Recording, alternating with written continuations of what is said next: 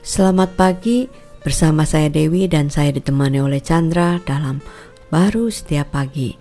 Dalam perjalanan hidup kita, pastilah ya ada masalah demi masalah yang kita hadapi.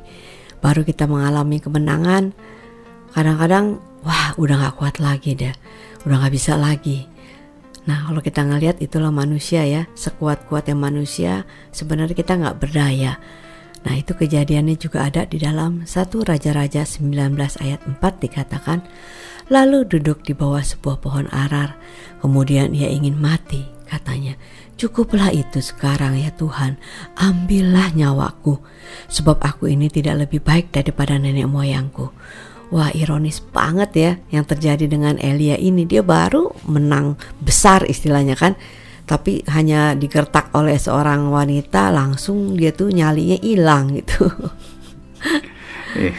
Iya kalau kita lihat di uh, firman ini nggak menyangka ya itu bisa terjadi kepada Elia yang begitu uh, Hebat. dipakai Tuhan begitu hebatnya cuma hanya satu perkataannya mengancam dia aja eh, dia bisa terbawa hmm. uh, sampai merasa takutnya dan menyiksa dia padahal belum terjadi itu. Betul. Ya sehingga uh, dia kepengen rasanya mau mati aja gitu kan. Uh, kembali lagi kalau kita ngelihatnya ini ya uh, ini kan dari dasar kadang-kadang pengalaman hidup kita ya. Kadang-kadang kita ngelihat uh, ada sesuatu yang kita alami baik gitu kan yang nggak mungkin gitu hmm, kita percaya kepada iya. Tuhannya. Tapi kadang-kadang kita berpikir dari kitanya betul. Ya sehingga hal yang kecil yang sederhana aja bisa kita tidak bisa handle eh, emosi kita ya. Yeah. bisa terbawa gitu kan permasalahan kecil kita menjadi sangat uh, terganggu banget. terganggu banget. Mm -mm. Uh, padahal masalah besar bisa uh, sudah kita lewatin kita itu ya, lewatin, ya bersama gitu Tuhan. kan, uh, itu kan menunjukkan bahwa uh, kita itu perlu menyadari bahwa kita itu tidak bisa dari kekuatan diri kita lagi hmm. kan, uh, tapi dari Tuhan. Aku uh, uh, berpikir mungkin si Elianya berpikir dia hebat nih, dia bisa mengalahkan itu hmm. kan. Uh, Sebenarnya uh, dia uh, ini ayat juga menarik sih, dibilang dia di bawah pohon arah gitu ya. Arar.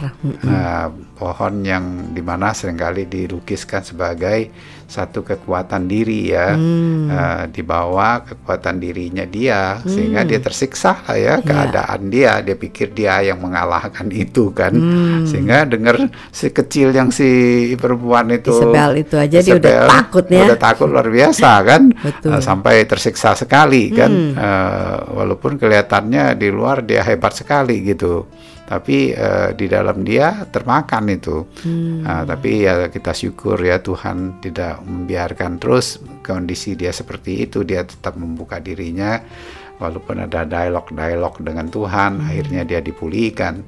Sama halnya kita ya ketika kita menghadapi tekanan apa pun juga ya kita ada caranya ya eh, Tuhan mengampiri kita sebenarnya kita membuka hati kita mempercayai dia kembali ya daripada apa pun bentuknya yang hmm. lainnya sehingga di situ ada kekuatan ya dari dalam kita bukan lagi terbawa kepada ancaman eh, ancaman-ancaman situasi kondisi yang ada di sekitar kita.